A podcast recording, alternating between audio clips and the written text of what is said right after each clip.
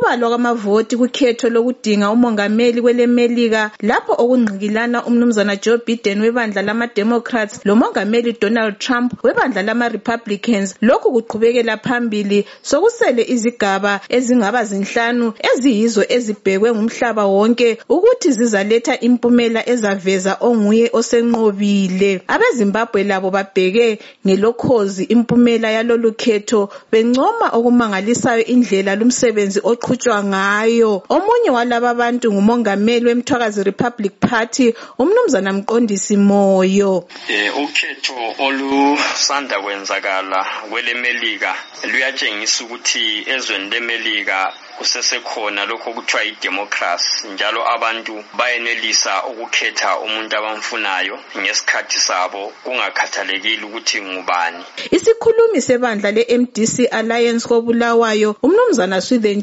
chirodza uvumelane lomnumzana moyo. Into enhle e-amerika yikuthi ababala amavoti abakhethisayo abantu abazimeleyo. Isikhulumi sebandla lezapho umnumzana iphithule maphosa ngomunye laye obuka indlela elemelika ephethe ngayo ukhetho. Sithanda ukutshayela abantu be-amerika ihlombe ngokwenelisa kwabo ukwenza ukhetho oluqoqekileyo. Asikezwa. Ngokwehluleka kwema-systems abo kumbe kwama-processes abo. So far lanxa nje sisizwa utrump engani ukhuluma ngendlela ezingamnandi. Nxa kuthi engadliwa kodwa hhayi asiboni hlupho sifisela abantu be-amerika ukhetho oluhle. Oluzaphela kuze kutholakale impumela kukuhle kunjalo. Isakhamuzi sakobulawayo abaphatheka kwezombusazwe emathebheleleni south umnumzana matthew sibanda uthi ukhetho lwemelika luqhutshwe kahle. Yikho ukwenza ama-election okuhle oku-free and fair election okungala kwethuselana wonke umuntu uvota ekhululekile.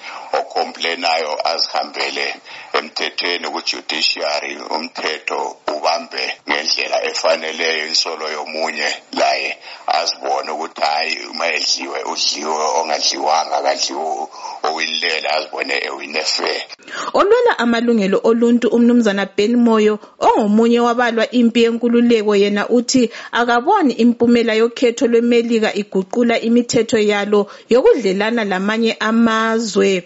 Umphumela wokhetho lwemelika alutshintshi lutho ngoba i-foreign policy ye-america kayizi ukuguquka awukhathalekile ukuthi nguphi upresident ngaphandle ukuthi ungasiguqula izinto ngako okwesibili whether ngubiden kumbe ngutrump ongenayo kima kula mihluko ngu-head and tail wecoin efananayo isakhamuzi sakobulawayo unkosikazi nokuthula ndlovu uthi uyalusola ukhetho lwemelika uma ekhangela kukhetho olwedlule.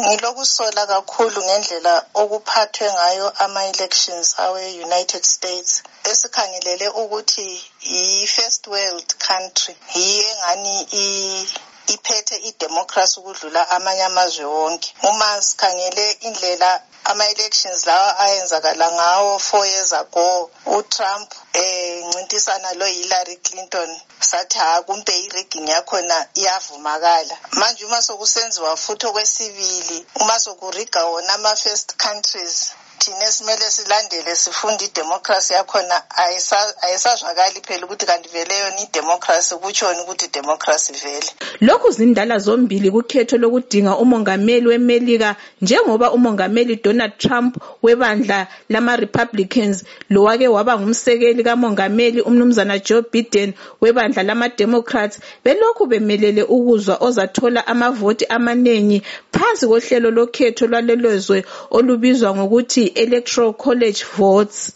Okwamanje ubiden uyakhokhela ngemiklomelo yama-electoral votes. Ozanqoba kukhetho lolu kumele athole ama-electoral votes angamakhulu amabili lamachumi ayisikhombisa 270 phakathi kwangamakhulu edlula amahlanu i-538 izigaba eziningi zelizwe sezethule impumela yazo kodwa kusamelelwe izigaba ezinhlanu ezibalisa iPennsylvania, iArizona, iNevada, leNorth Carolina leGeorgia ngoba lonyaka uzulu wemelika uvote ngobuningi ngeposo phambilini kosuku lokhetho ngenxa yomkhuhlane wecoronavirus okuyikho osokuphuzise ukubalwa kwamavoti. Abanye baveze imibono ehlukile ngokhetho lwemelika bethi kibo luqotho uma beluqathanisa lolwezimbabwe uma bekhangela abantu.